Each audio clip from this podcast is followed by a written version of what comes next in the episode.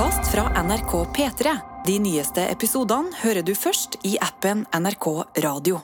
Vi i Filmpolitiet er like glad i krim som det du er. Og nå skal du få to ferske krimserietips fra LA. Og ett krimfilmtips fra El Paso, Texas.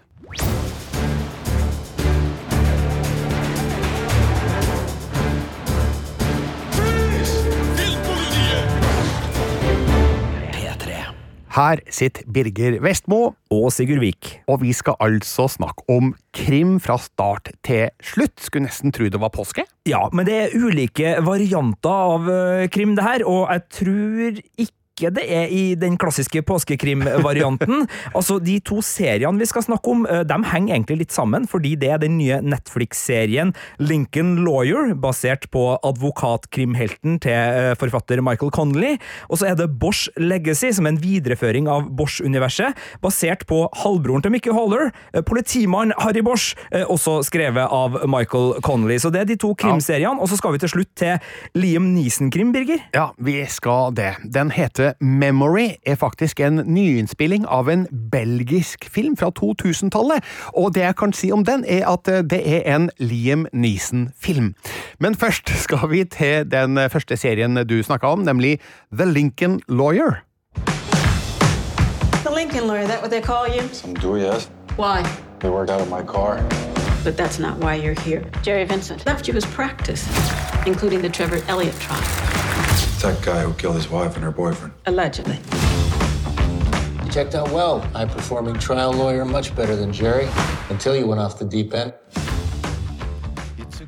Lincoln Lawyer heter altså serien, og det er noe kjent med den tittelen, Sigurd? Ja, eh, altså eh, Mickey Haller, som da er hovedpersonen her, eh, han er et kjent navn for mange krimfans. Han har tidligere blitt spilt av Matthew McConaughey i filmen The Lincoln Lawyer, som kom i 2011. Fikk terningkast fem her i Filmpolitiet av vår kollega Rune Håkonsen. Og er da en kjent type fra Michael Connolly sine krimbøker. Det er skrevet seks bøker om Mickey Haller, og eh, det her er jo også da halvbroren til Harry Bosch, som i tillegg til å ha sin egen TV-serie på Prime Video, også da er kanskje den mest kjente av eh, Mike, uh, Michael Connolly sine uh, bokhelter. Så det her er kjente navn, det er Los Angeles-krim, og der Harry Bosch er uh, politietterforsker av den hardkokte sorten, så er det her litt glattere. Det er en advokatkrim, og Mickey Haller, som da jobber ut av sin Lincoln-bil, i hvert fall i, i bøkene, og til dels i, i serieversjonen, eh, han, eh, han eh, trives litt bedre på, på de litt finere eh, sidene av livet. Altså, han har litt mer penger og lever litt mer advokatlivet enn politibetjentlivet. Og så er det jo sånn at eh, David E. Kelly er mannen som er serieskaper bak denne serien, eh, noe som gjør at eh, den får et viss Kelly-preg. Altså, han er jo kjent nå i det siste for serier som Big Little Lies, eh, eh, Anatomy of a Scandal og den andre Nicole Kidman-serien med Hugh Grant, eh, The Undoing, var det den het? Men han er jo også kjent for veldig mye mer. eh, Chicago Hope, blant annet, en stor populær eh, sykehusdramaserie, eh, og en drøss av advokatserier. Altså, han starta sin TV-karriere som manusforfatter på Lov og rett i LA i 1986, eh, og har siden gitt oss serier som serieskaper, da, som Ally McBeal, Boston Legal, Goliath med Billy Bob Thornton i hovedrollen, og han er vel en av dem som har vært med å forme den moderne, kommersielle advokatkrimmen i USA. Så det er et spennende møte mellom en eh, ganske sånn journalistisk bakgrunn, fordi Michael Connolly har eh, krimjournalistbakgrunn og skriver sine bøker med sans for litt sånn analyse og sammenhenger og, og fyller ut ganske mye. Og så er det da David Kelly som skal foredle det her på TV-skjermen, på Netflix-skjermen, og han er nok litt mer opptatt av hva brukerundersøkelsene sier om hva publikum eh, vil ha. Mm, David E. Kelly er jo vanvittig produktiv. Han er jo involvert i sånn fire, fem, seks serier hvert eneste år. Eh, Så jeg lurer på om eh, har da The Lincoln Lawyer noe særpreg å snakke om, eller eh, ligner det til forveksling en vanlig David E. Kelly-serie? Altså, eh, Det jeg er glad for da, som bokleser, for jeg, jeg har jo lest alle Mickey Holler-bøkene og, og trives veldig godt eh, i, i det her landskapet, det at han har tatt vare på hovedhandlinga i boka The Brass Verdict, som det her da er basert på. Og da kan jeg si det med samme gang. altså det her Selv om tittelen er den samme, så er ikke den samme historien som fortelles her som i The Lincoln Lawyer-filmen. Den var basert på bok nummer én. Eh, den her er hovedsakelig basert på bok nummer to, selv om det er litt fra bok nummer én som er med her òg. Men han har tatt vare på den historien, og den historien er god. Eh, men han har krydra eh, det her og trukket det i en retning som kan ses på som mer sånn nettverks-TV-vri. Altså, her er det sånn at konfliktene blir personfokusert. Det sies sånne ting som 'det her er din eneste sjanse', og det er også sånn at han lefle med det komiske elementet han gjorde veldig mye i Ally McBeal, hvor han har en del elementer her som er litt ja, ikke direkte fjollete, men i det her universet så blir det litt fjollete. Altså litt sånn Nesten sånn at toneleiet brister litt, fordi det, det, virker litt sånn utenom den her litt alvorlige verdenen.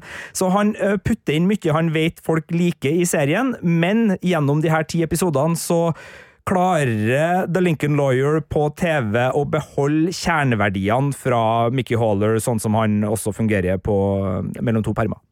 Men kan du bare fortelle meg litt nærmere om hva The Lincoln Lawyer-serien handler om? Ja, vi møter Mickey Haller, spilt av Manuel Garcia Rolfo, her etter at han har vært på sidelinja i 18 måneder. Han skada seg i ei surfeulykke, ble avhengig av smertestillende, og har nå kjempa for å bli rusfri. Så vi møter en rusfri, men med litt sånn traumer i, i, kroppen. Og både hans gode rykte og hans advokatpraksis har jo lidd av det her, så han er, han er en underdog, Birger, når vi møter han. Han er en underdog med noe å bevise. Vi liker underdogger. Vi gjør det. David Kelly er også uh, svak for, for det.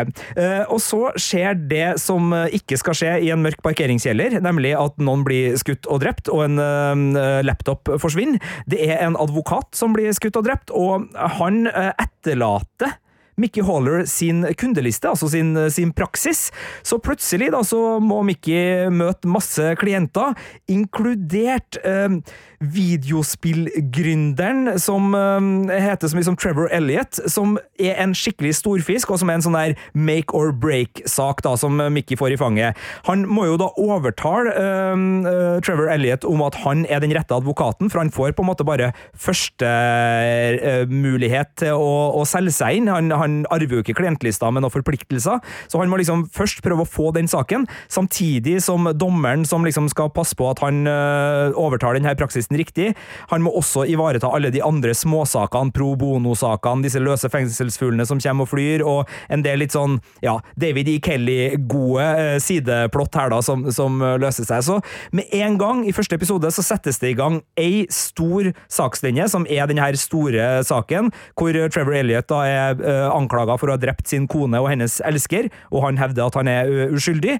Uh, og så er det alle disse småsakene som viser oss hvor utrolig teft Mickey Haller har som advokat, og at vi da blir kjent med han, og ikke minst folkene rundt den, for han har jo en god assistent og en gammel MC-fyr som eh, er etterforsker for han, og en del andre sånne ting. Men eh, så er det jo også en etterforskning som foregår her, og i bokform så er det faktisk Harry Bosch som er etterforskeren. Eh, rettighetene skal ha det sånn at han er ikke med i denne serien. Netflix har ikke Bosch-rettigheter, tror jeg. Så det er en annen politimann som også da undersøker mordet på denne advokaten som ble skutt. For det kan jo ha noe med eh, denne eh, saken å gjøre, eller i hvert fall én av sakene å gjøre. Og i tillegg så er jo Mickey Haller en mulig mistenkt i den saken, fordi han har jo arva en eh, gigantisk advokatpraksis. Så det er mange parallelle handlingstråder her, og i løpet av ti episoder så nøstes det jevnt og trutt i dem alle. Og sjøl om denne serien kanskje i større grad enn andre romanbaserte serier av moderne sort som følger bokas hovedark i, i, veldig stor grad, så klarer David Kelly å balansere det å følge liksom, ho hovedhistoria i boka med sin sans for å gi folk litt sånn episode of the Week-snadder eh, også. Eh, jeg syns han løser mye av det ganske bra. Det kan bli litt langtekkelig til tider, men han har liksom én episode bare om juryutvelgelse, og han er veldig god på å hele tida liksom holde publikum oppdatert på hva er det som skjer i de ulike rettsprosessene, hva er jussen her, hvorfor er det lurt å være veldig oppmerksom når du velger jury, når du velger når du skal si 'object your honor', osv., osv. Så, videre, og så, videre. så han, han holder oss i handa da, mm. gjennom hele løpet. Men de som som har sett den gamle filmen The Lincoln Lawyer med Matthew McConaughey, som du nevnte, vil de kjenne igjen noe av historien i serien? Eh, de vil kjenne igjen hovedpersonens historie litt. Det er litt vanskelig for meg å svare helt eksakt på det, for jeg vet jo ikke, for jeg har så mye bakgrunnskunnskap at jeg husker ikke helt hva som kommer hvor og alt det der. Nei. Men, men eh, som jeg sa, den ødelegger ikke for denne historien her, eh, fordi det er ikke den samme saken. Altså, det er ikke den samme rettssaken som er hovedbærende, men det dukker opp noen mennesker som også dukker opp i den filmen, så man kan dra kjensel på navn og deler av sideplottene i denne filmen. Det er jo også sånn at uh, New Campbell spiller uh, Mickey Hollers første ekskone, som er uh, aktor for statsadvokaten, og vi følger også hennes saker, som ikke er den samme saken, men hun er jo en, den andre advokaten som på en måte er hovedpersonen i det her biten, og jeg syns de to, altså Manuel Garcia Rulfo, som da spiller Mickey Holler, ikke like sløy som Matthew McConaughey, men absolutt en meget interessant hovedperson å putte i den rollen, som virkelig tar vare på det helstøpte med rollefiguren, fra det arrogante og kyniske til det hjertevarme og rettferdighetssøkende, og New Campbell, da, kjent fra Skrik-filmene kanskje først og fremst, som også bringer pondus til den her meget dyktige Maggie McFears, blir hun kalt i, i, i bøkene og i, i serien. En skikkelig sånn uh, hardtslående aktor som sørger for at forbryterne er litt ekstra nervøse når de kommer inn i salen. De har ei datter sammen, så selv om de er skilt, så må de uh, tilbringe litt tid sammen. Så, så jeg syns der har serien en, en god kjerne da, i rollegalleriet. Du sier New Campbell. Jeg er litt usikker på om det er Nev eller Neve Campbell. Litt usikker på akkurat uttalen der. Jeg tror du har sannsynligvis mer rett enn meg. Men, Eh, men hun som Hva går vi for? Ja, Nev Campbell tror jeg har sagt flest Nev. ganger, men jeg vet, vet ikke om det er riktig. Men uh, i hvert fall kjent fra uh, rollen som Sidney Prescott i Scream-filmene, det er helt riktig. Men altså, Manuel Garcia Rulfo. Han spiller en figur du har lest mange ganger i bokform. Eh, og hvordan syns du han eh, takler det? Altså, Kjenner du igjen Mickey eh, Holler fra bøkene? Jeg gjør det. Jeg er ikke bare fornøyd med overgangen til serie, som, som bokfans ofte er litt kritisk, men jeg syns han får de viktige sidene fram, og han blir, uavhengig av bøkene, en god TV-hovedperson. Han er jo en fyr som både kan sine gater og kan sine advokatkontor. Han er litt rufsete, han jobber best i bilen og alt det der. Eh, Veldig glad i food trucks og gatemat, og, og sørger for å ta oss med i samtaler og i miljø hvor uh, Los Angeles, uh, en ganske friksjonsfri Los Angeles, vel å merke, men Los Angeles får også lov til å bli med inn i hans puls, da, hans rytme, og, og det liker jeg. Uh, og så syns jeg han er fengende i rettssalen. Han er en god advokat som både kan snu en sak fordi han lytter på det som blir sagt, og, og kan eh, vippe et vitne av pinnen ved å liksom bare gå inn i, i en, en flåsatt formulering, for eksempel.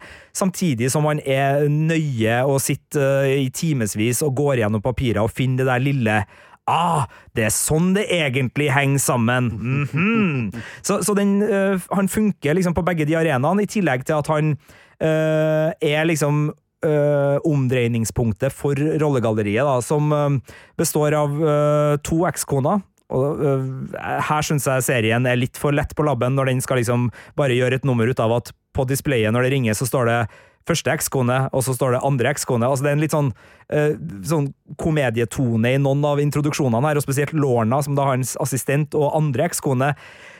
Hun blir framstilt litt mer som en sånn der Ikke funny sidekick, men altså, hun, hun blir liksom Hun blir mer uh, karikert i trekkene. Hennes liksom mål om å bli advokat og hennes uh, lettbeinthet blir liksom de to tingene vi skal vite om henne. Det er ikke så farlig med resten. Mens uh, Nev Campbell sin rollefigur uh, får mye mer å spille på. Så, så der er det litt sånn uh, David E. Kelly velger sine TV-slag med, med sikkert uh, god grunn, men for oss som har lest bøkene, hvor på en måte rollefigurene får like mye å spille på og, og holdes mer jevnt, så er både Cisco, som da er den motorsykkelkjørende etterforskeren til Mickey Holler, og hans andre ekskone Lorna, De er forresten også sammen. Eh, alt det her får du vite i første episode. Eh, ja. de, de, kommer litt dårlig ut av det, og det er veldig gode skuespillere på dem. Eh, som er altså Agnes Sim, Samson, som spiller Sisko, kjent fra Fargo sesong to. Stort skjegg, stor branne, veldig sånn umiddelbar, kul karakterskuespiller. Og Becky Newton, kjent fra How I Met Your Mother, hvor hun spilte kjæresten til Barney Stinson. Begge dem er gode skuespillervalg, men jeg syns der at serien ikke helt gir dem det manuset de hadde fortjent da, for å bli de figurene som vi elsker såpass mye i, i bøkene. Men som du sa, så er Mickey Haller altså halvbroren til Harry Bosch, og mange har jo sett eh, serien Bosch. Og hvis man har et nært eh, og sterkt forhold til den serien, er det en selvfølge at man vil eh, ha sansen for The Lincoln Lawyer? Nei.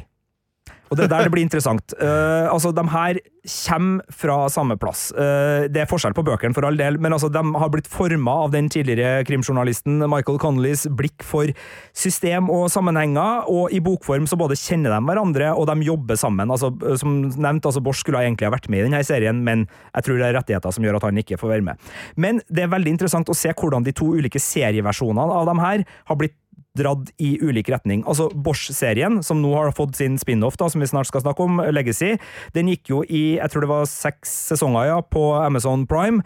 Eh, og den har, både i skuespillervalg og i, i sitt realistiske toneleie, blitt dratt mer i retning The Wire og amerikansk prestisjekrim, eh, hvor um, problemene uh, skildres med et snev av samfunnsanalyse. De popkulturelle referansene de krever kulturell kapital. De er liksom ikke øverst på hitlista. Det er litt mer sånn du, du, må vite hva de snakker om.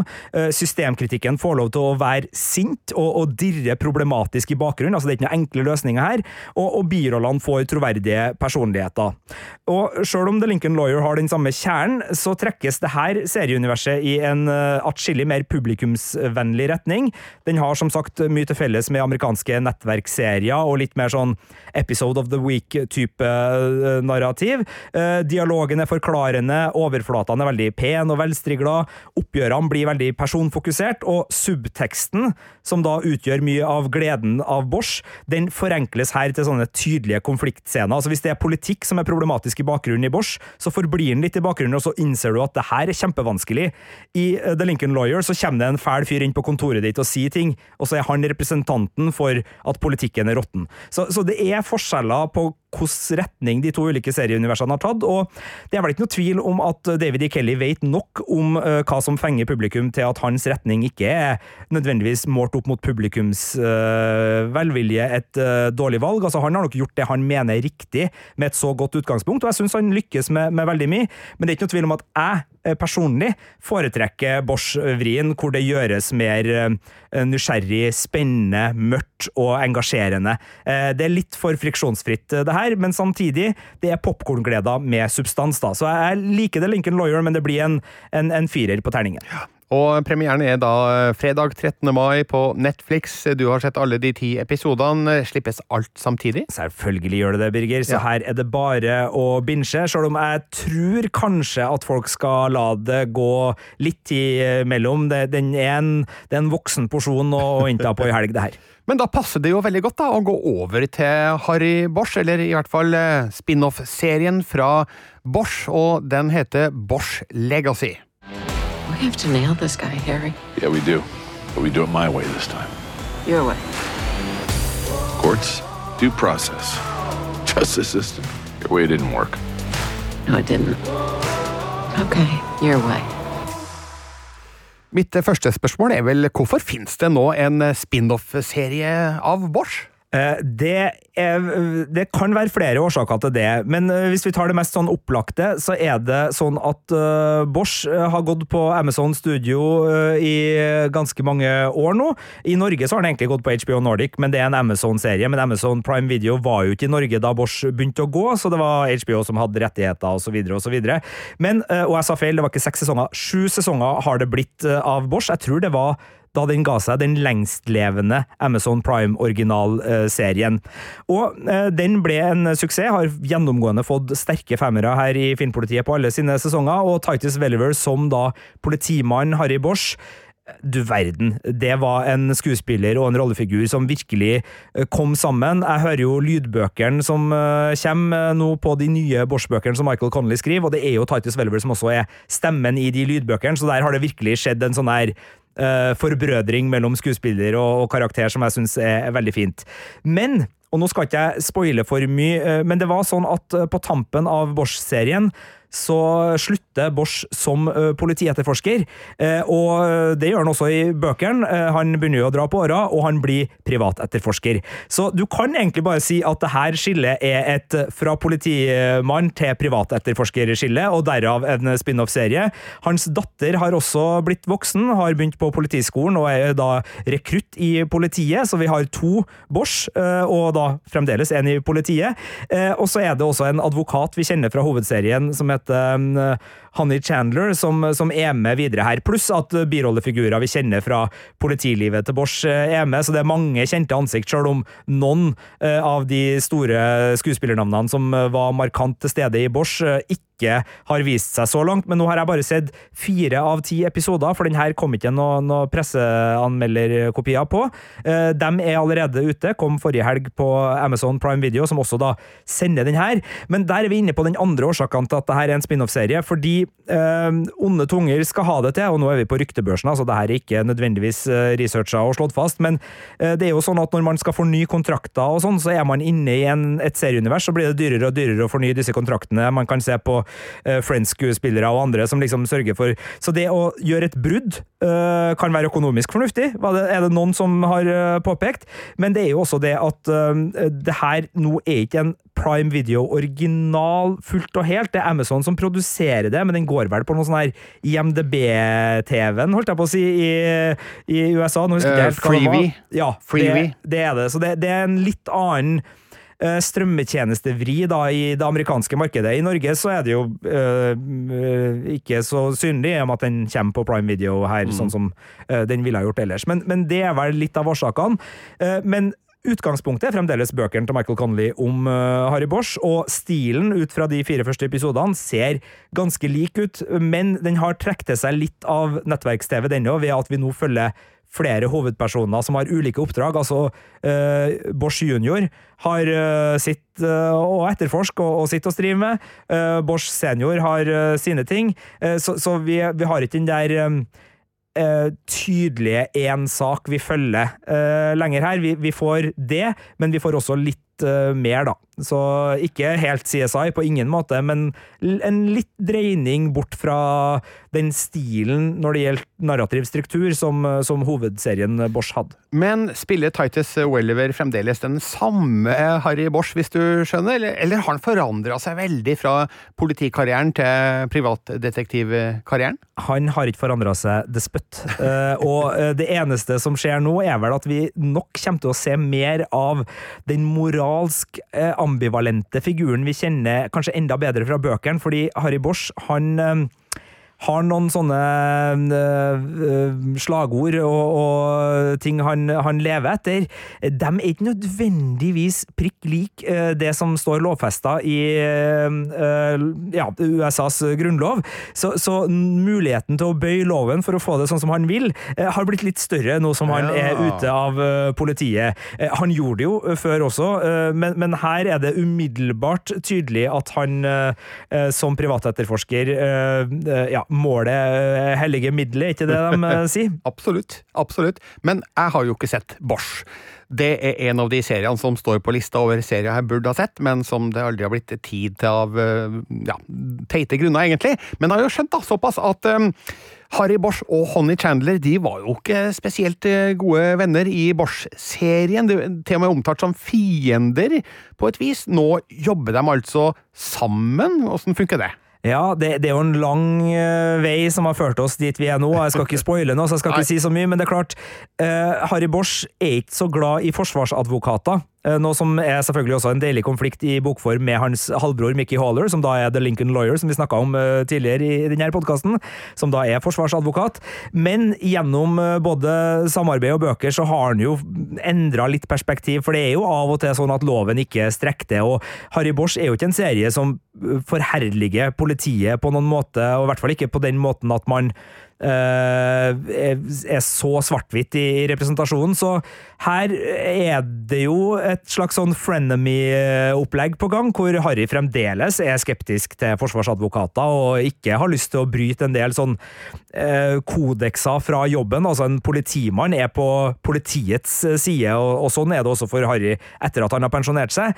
Men det er klart, hvis sannheten og rettferdigheten ligger på andre sida av den tynne blå linja, så er ikke Harry Bosch eh, et dårligere menneske enn at han er villig til å, å se på løsninger. og Der ligger jo også mye av den rollefigurens deilige sånn utvikling, da, og, og både Mickey Haller og Harry Bosch er jo så fine fordi de vise oss gråsonene. Altså, det, det, er grått eh, i det blå landskapet i, i Los Angeles, og, og, og, det kommer fram her fordi det er mye korrupsjon, det er mye politikk, det er mye krangling mellom FBI og politiet, og det er mye hvem skal få forfremmelsen, og det er budsjetter som legger ned prosjekter hvor de kunne ha redda folk. Så, så, alt det der ligger jo i, i materien i Bosch, og kommer jo da til liksom overflata og koker litt over, da, når man får de her klassiske uh, motsetningene. Politi, forsvarsadvokat, kan vi jobbe sammen? Så uh, TV-forenkla, men fengende, syns jeg, i, i denne sammenhengen. Men hvis det sitter noen der ute som ikke gidder å gå gjennom sju sesonger av en serie for å kunne begynne å se en ny en, kan man hoppe rett inn i Bosch Legacy, eller mister man noe vesentlig? Uh, man får uh, i starten av episode én et tilbakeblikk som oppsummerer de sju sesongene. Oh. Så, så, og Det sier jo litt om hvor nær de her seriene er. Ja. Uh, altså, det her er ikke en spin-off som er langt unna. altså Her bruker man moderskipet i uh, serien videre. Så, så, det er en forlengelse. Det her kunne ha vært kalt sesong åtte hvis det hadde foregått litt annerledes. Um, så, så, du får en oppsummering, og den er vel nok til at en TV-vant uh, krimtitter kan gyve løs på det.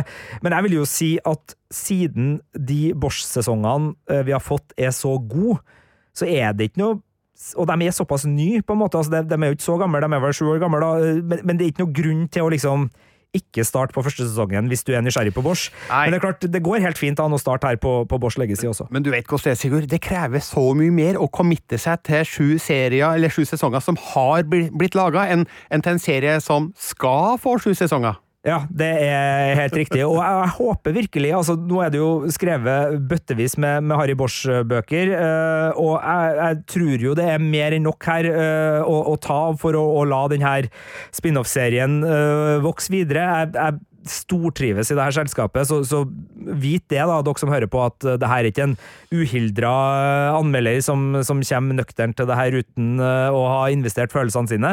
De var forhåndsinvestert, og, og, og, det preger nok mitt syn på både Lincoln Lawyer og, og den her Bosch Legacy. men hvis du liker uh, Los Angeles-krim, hvis du trives i den byen, hvis du syns det er et utgangspunkt for både uh, lov og rett og, og politikk og, og, alt det der, så, så, får du mye her. Hvis du liker gamle noir-helter som Philip Marlowe og, og, Perry Mason og en del sånne klassiske Los Angeles-detektiver, så får du mye av det her. Hvis du liker rollegalleri som sitter og diskuterer uh, gamle spionfilmer mens de er på oppdrag, så får du det her. Hvis du liker uh, høykantspenning hvor uh, folk plasserer seg sjøl i situasjoner hvor det kan gå skikkelig, skikkelig, skikkelig galt, så får du det her. Og hvis du liker plottvrier og, og sånn gode gode hevnoppgjør, så får du også det her. Så, så, jeg, så, jeg, får veldig mye av det jeg liker, og, og hvis noe av det her resonnerer, så, så, sjekk gjerne ut uh, Bosch. Uh, jeg vil virkelig si at uh, Bosch er den bedre av de to seriene jeg snakka om nå. I hvert fall hvis du tar med uh, moderserien. Det er litt tidlig å gi en endelig dom over Legacy. Men, men, som sagt, Michael Connolly sine bøker er, er gode. Hvis du liker dem, så tror jeg du kommer til å like både den nye Netflix-serien og den her nye Amazon Prime-serien. Ja, Det var pussig at du nevnte Philip Marlowe i stad, Sigurd, fordi det kommer jo snart en ny film regissert av Neil Jordan om privatdetektiven Marlowe. Hovedrollen spilles av Liam Neeson, som òg spiller hovedrollen i den nye spillefilmen som jeg har anmeldt denne uka, nemlig krimfilmen Memory. I'm the bad man. Have been for a long time. That's three people likely killed with the same weapon. What's that? Found him on the floor. Your shooter's losing his mind. Retainer for your services is $10 million. call the contract off. I don't hurt children, ever. Listen to me very carefully. The girl stays alive. You're answerable to me. Memory er altså en ny actionthriller med Liam Neeson i hovedrollen, og han har jo omtrent blitt sin egen sjanger på en måte, etter at han fikk kjempesuksess med Taken i 2008? Ja, altså de der uh, actionfilmene hvor Liam Neeson må bruke et særskilt sett med ferdigheter for å redde et barn, et eller annet annet fra en skummel forbryterorganisasjon, Ikke dem sant? har vi jo fått en del Ja. av, og- det er jo hans sjanger nå. Ja, altså uh, Taken 2 og 3, Run All Night, um, A Walk Among the Tombstones The Marksmen eh, som kom i fjor. Ja, uh, det er flere eksempler på filmer vi nå kan kalle en Liam Neeson-sjanger. Og eh, Memory føyer seg pent inn i den rekka på godt og vondt. Jeg kan si med en gang at eh, karakteren er midt på treet. Det har blitt en treer. Føler meg litt streng her, fordi sjøl om filmen kanskje ikke er kjempegod, så liker jeg fremdeles å se Liam Neeson på et kinolerret. Altså, han har en sånn um, kombinert kraft av å være litt sånn som Clint Eastwood var. Altså, han har den uh, sindigheten, den roen, den auraen av eldre mann med, med uh, en viss type visdom, i hvert fall. Men han har også en, en yng... Altså, ikke en yngre actionhelt i seg, men han, men han har litt den der hvem skal man sammenligne da? Blir, han er ikke på Jason Statham, The Rock-greia, men altså han har noe mer aktivt enn det Klinteren hadde. Ja, det er ikke så mange andre vi kan sammenligne han med. Det er derfor Liam Neeson-actionfilmene går så godt på kino. Jeg tror det har å gjøre med at eh, han har et eh, behagelig vesen, og så vet vi at eh, ja, han kommer til å ordne opp. Han kommer til å fikse det her på et eller annet vis. Selv om oddsene er ganske dårlige, så vet vi at eh, det kommer til å gå bra, og den her forutsigbarheten er jo noe et kinopublikum ofte har en tendens til å sette pris på. Og ja, nå skal ikke jeg foregripe begivenhetens gang her med åssen det går i Memory, for det skal man selvfølgelig finne ut sjøl på kino, men det er allikevel en litt annerledes Liam Neeson-actionfilm, det her, fordi her spiller han en aldrende leiemorder som begynner å merke at eh, her er det noe som skjer oppe i hodet, og han skjønner at det er Alzheimer. Han er i ferd med å få Alzheimer, og hukommelsen begynner å spille han puss. og han har en eh, eldre bror som er helt eh, grønnsak av Alzheimer. Dette er arvelig belasta, og han ser jo hvilken vei det her går. Og det fargelegger jo hans valg i denne filmen, fordi han er som sagt leiemorder, og han går med på å ta på seg ett siste oppdrag før han skal pensjonere seg. Og vi har jo sett såpass mange filmer om eh, mennesker som skal gjøre én siste jobb, gjøre ett siste oppdrag, ta ett siste brekk, til at vi skjønner at det, det vil jo aldri gå bra. Eh, Det her er jo også en egen sjanger, altså den der siste jobbhistorien, som eh, ja, er en gjenganger. Eh, Han blander seg inn i en ganske alvorlig sak i El Paso, Texas, som handler om eh, menneskehandel. Det er da mindreårige migranter fra Mexico, eller kanskje lenger sør i Sør-Amerika også, da, som kommer over til USA og blir utnytta på det groveste. Og ha- det, det skjer noe i filmen som jeg ikke skal avsløre, men som gjør at uh, Liam Neeson blir sint. og når Liam Neeson blir sint, da vet vi at det blir action. Men han får altså da et mål her som uh, faller sammen med mm, målet til et knippe FBI-agenter under ledelse av Guy Pearce. Han spilte jo, som mange vet, hovedrollen i kanskje den beste hukommelsesthrilleren av alle, nemlig Memento. helt riktig. Den har passert 20 år, faktisk, eh, believe it or not, den. Men det er noen paralleller her, da. Kanskje ikke sånn kjempesterke, men eh, nå får jo Liam Neesons eh, rollefigur, eh, som for øvrig heter Alex Lewis, han får noen problemer med hvordan han husker ting, som eh, gjør seg gjeldende utover i filmen, men kanskje ikke så kraftig som jeg hadde sett for meg, da. Det virker som at filmen glemmer å utnytte akkurat den delen av rollefigurens eh, rekkevidde, hvis vi kan kalle det. Eh, I forrige Liam Neeson-film jeg så og anmeldt, som da var The Ice Road, som gikk på kino i fjor sommer, så kom vi til et punkt eh, hvor jeg hadde liksom vært ganske investert i, i filmen. Syns den hadde mye for seg, og syns det var spennende. Den bygde liksom på, på de rette naturelementene og alt. Og så sier Liam Neeson glem pengene, nå er det personlig. Eh, og derfra ut eh, så ble det jo bare en helt sånn uh, fjollete actionkomedie med Liam Neeson, hvor overdrivelsene sto og venta på hverandre, og den bare liksom imploderte i sin egen klisjé.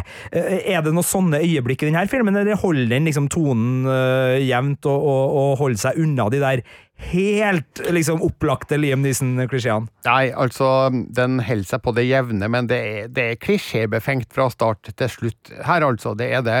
Men uh, du får ikke et øyeblikk der han plutselig bare blir den uh, 100% usårlige actionhelten som du kanskje kan eh, mistenke at han kan bli av og til. Men eh, det jeg føler er filmens eh, svakhet, er at eh, figurene blir ikke utvikla godt nok, og eh, spesielt da med tanke på Alex Lewis, fordi vi får noen hint i filmens siste fase om hans fortid, som virkelig kan være med å forklare noen av hans handlinger i nåtid, men det blir veldig fort eh, raska over, og blir ikke utbrodert i noe særlig grad, slik at eh, ja, personen blir litt tynnere da enn den kunne ha vært hvis man virkelig hadde gått inn for å forklare hvem Alex Lewis eh, er, og hva som har gjort den sånn. Eh, det med hukommelse Du nevnte jo Memento, altså, eh, og, for så vidt også Alzheimer. har jo blitt eh, gjort en del før, og, nå senest Samuel L. Jackson spilte jo i sin egen Apple TV-serie om ja, the, the, the, Last Days of Ptolemy Gray, som også handla ja, var litt action og hukommelsestap, Alzheimer. Eh, også i Severance, for så vidt, men der er det jo mer outrert. Men, men blir den delen brukt på et interessant vis, sånn at Alzheimer og hukommelsesdelen griper deg, og du, du liksom tenker at ok, her er det en eldre person som, som gjør seg noen refleksjoner på, på tampen av livet, og, og det her griper meg, eller blir det liksom bare en gadget i filmen? Det blir bare en gadget. Det griper meg ikke spesielt, og ingen av hans hukommelsesproblemer får noen spesielle konsekvenser for handlinga. Vi får noen småscener der han eh, ikke husker romnummeret på hotellet, og eh, han spør da dama som våkner opp ved siden av henne i senga om eh, hvor var jeg egentlig i natt, og, og, sånne ting. Men ingenting som får noen direkte følger for den sentrale handlinga i filmen. Og det er litt synd, for her kun filmen ha hatt noen ekstra spenningsmomenter som har med hans hukommelse å gjøre. Og en annen ting er jo at vi ikke helt forstår hvorfor han velger å gjøre som han gjør her. Altså, han velger å gå etter sine egne oppdragsgivere, det kan jeg vel si, men er det fordi han nå får en sånn slags uh, moralsk oppvåkning og forstår at uh, nå må jeg gjøre opp for meg før uh, Alzheimeren slår inn for fullt og det er for seint, eller er det bare overlevelsesinstinktet som slår inn? her syns jeg at filmen kunne ha vært mye bedre på å forklare litt av personkarakteristikkene som ligger bak avgjørelsene, og det er litt dumt. Men som ren actionthriller så funker Memory greit. Den er regissert av Martin Campbell, som jo er kjent for uh, først og fremst av to smellgode Bond-filmer, altså Golden Eye og Casino Royale, som sparka i gang uh, Bond-karrieren til henholdsvis uh, Pierce Brosnan og Daniel Craig.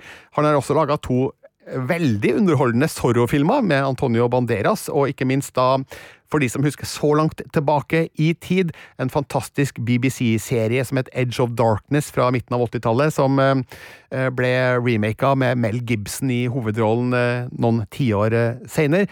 Han veit hvordan det skal lages actionunderholdning, og derfor så overrasker det meg litt at Memory virker å gå på litt sånn lavbluss, og har ikke helt den flyten som Martin Campbell har greid å lage i sine beste filmer tidligere. Men det her er en Liam Neeson action-thriller på det jevne, som har som formål å gi deg litt eh, lett eh, krimunderholdning, uten at du trenger å tenke så mye på hva som egentlig foregår. Men det er bare det at jeg jeg ser at det ligger et potensial til at denne filmen kunne ha vært så mye mer. Eh, og den er jo basert på en roman av eh, en belgisk forfatter som eh, heter Jeff Gerards, tror jeg det skal uttales. Han er død nå, dessverre. Den har også blitt filmatisert i 2003. Den hadde 'Morder uten minne' som norsk tittel. Og nå har jeg ikke sett den, og jeg husker ikke om den faktisk gikk på kino i Norge heller, men med en norsk tittel så må det vel bety at den har hatt norsk release på et eller annet tidspunkt, i hvert fall. Det er mulig at den originale romanen og den første filmatiseringa utbroderer figuren mer, men i eh, Martin Campbells eh, amerikanske versjon så har det blitt mer en sånn Liam Neeson-vehicle, heter det på amerikansk. altså en ny sjangerøvelse da fra herr Neeson, som funker på sine premisser, men kun har blitt eh, så mye mer. Men det er jo fascinerende at uh, Liam Neeson klarer å opprettholde det å ha uh, en sånn egen sjanger. Altså, det er jo mange actionhelter som, som har det, men, men, han er jo uh, Han trosser jo oddsen litt der, og jeg tenker jo på, på Nicholas Cage her, når du, du, snakker om det her, for han sank jo ned i, i rett på DVD, rett på videolandskapet, da han hadde en, en runde med, med B-filmer som kom på løpende bånd, og jeg vil jo tro at mye av det vi snakker om som er problematisk med de her filmene her, og styrka styrkene til de her filmene her gjelder egentlig øh, begge deler. Jeg så jo en del av disse mm. Nicholas Cage-filmene, ja. men, men, Liam Neeson klarer liksom, både ved å bruke jobb for regissører som har en, øh, en viss standing, og, og øh, liksom klarer å, å, å, holde seg akkurat innafor kinolerretet. Jeg tror ja. det her er jo ikke liksom blockbustere på kino, men han, han har liksom funnet akkurat den der holdt seg på kino-vibben? Ja, enn så lenge så har de fleste filmene hans kommet seg på kino, det er eh, riktig observert. Så får vi se om det her holder seg, og noen tenker kanskje at eh, det egentlig er litt under Liam Neesons verdighet å spille i alle de her actionthrillerne, men eh, det er litt sånn som Nicolas Cage-figuren sier i den filmen. Uh, som heter The Massive Nei, uh, The Unbearable Weight of Massive Talent. Ja, takk skal du ha, Sigurd. Uh, glemte det allerede. Han sier at it's work. Altså, det, det, er jobb. Han får betalt. Han har en sikker inntekt, og det er kanskje det som driver Liam Neeson. Kanskje liker han også å spille i her filmene, men vi, vi, må huske at han også er en drivende dyktig skuespiller. Han har jo spilt i masse kvalitetsfilm, som for eksempel da Schindlers liste var jo gjennombruddet hans i 1993. Eh, han spilte i Kinsey i 2004, og det er jo ikke lenge siden han spilte i Martin Scorseses eh, film Silence, som jo var virkelig virkelig en høydare, syns jeg. Og det er jo en del som har gode Star Wars-minner også, fra eh, episode én. Det kan tenkes, ja, det er riktig. Eh, så nei, Liam Neeson har flere strenger å spille på. De siste årene så har han stort sett konsentrert seg om eh, actionfilmen, og så lenge det finnes et publikum som liker det her, og jeg liker det her, så skal han jo få lov til det. Og jeg ser jo på Internet Movie Database at han har eh, flere ting in the pipeline, eh, blant annet eh, en som heter Retribution, um, In the Land of Saints and Sinners. Cold Storage i preproduksjon, og også en film som heter Thug. Jeg regner med, at, regner med at den er ganske hardt slående. Jeg tror alle de her er actionfilmer. jeg tror det. Men så spiller han jo da også, som sagt, da en ny versjon av privatdetektiven Philip Marlowe i filmen Marlowe, som vel Eh, det slår meg at det kanskje ikke blir en like hardtslående actionthriller som de vi nå snakker om. Nei, altså det her er jo Raymond Chandlers legendariske noir-detektiv, eh, født mellom bokpermene han også, og vet du hva? Hvis det funker, så tror jeg Liam kan få seg en, en, filmserie på tampen av eh, karrieren som virkelig kan få det til å svinge, men det er en eh, rollefigur veldig mange har sterke følelser til, både gjennom eh, tidligere skjermportretteringer og ikke minst i bokform, så, så det, den står og faller på, på, hvor bra den løses, men det er jo en av de store franchise-mulighetene som Hollywood enda ikke liksom har gjenopplivd i, i moderne tid. De er jo ellers ganske flinke til å og saumfare både bokverden, spillverden og, og tegneserieverden, ikke minst, eh, for å reprodusere og, og gjenopplive. Men jeg har, jeg har, litt trua på at kanskje vil uh, Liam Neeson sin, sin aller uh, Ikke siste reise, men altså hans siste del av karrieren kanskje få uh, en litt annen retning da enn bare disse Taken-remakesa. Men han er altså da 70 år i juni, og man kan jo spørre seg ja, hvor lenge kan man egentlig være actionhelt på film, da? Og jeg skriver jo i anmeldelsen min at eh, altså det at han nå spiller en Alzheimer-ramma hovedfigur, er det, er det et tegn på at det kanskje er på tide å sette kroken på døra? Ja, Clint Eastwood er 91, da. ja, Spiller han i mange actionfilmer for tida? Nei, men uh, det, det, det, altså, de, de, har et sånt uh, visst action uh, altså, sånn, han, han, spiller fremdeles i krimfilmer, var ikke den, den Mule-filmen hans? Det var jo noe, noe kriminalitet ja, der. Nei, så, hvis man har lyst og helse til det, så kan man selvfølgelig være skuespiller lenge over eh, fylte 70 år, og jeg håper jo at Liam Neeson eh, orker enda mer, fordi han er en behagelig skuespiller, som jeg sa. Jeg liker å se han på kino, sjøl i middelmådige filmer, og Memory er en sånn en. Så det er vel kanskje en av de terningkast tre-filmene jeg syns har vært eh, morsomst å se.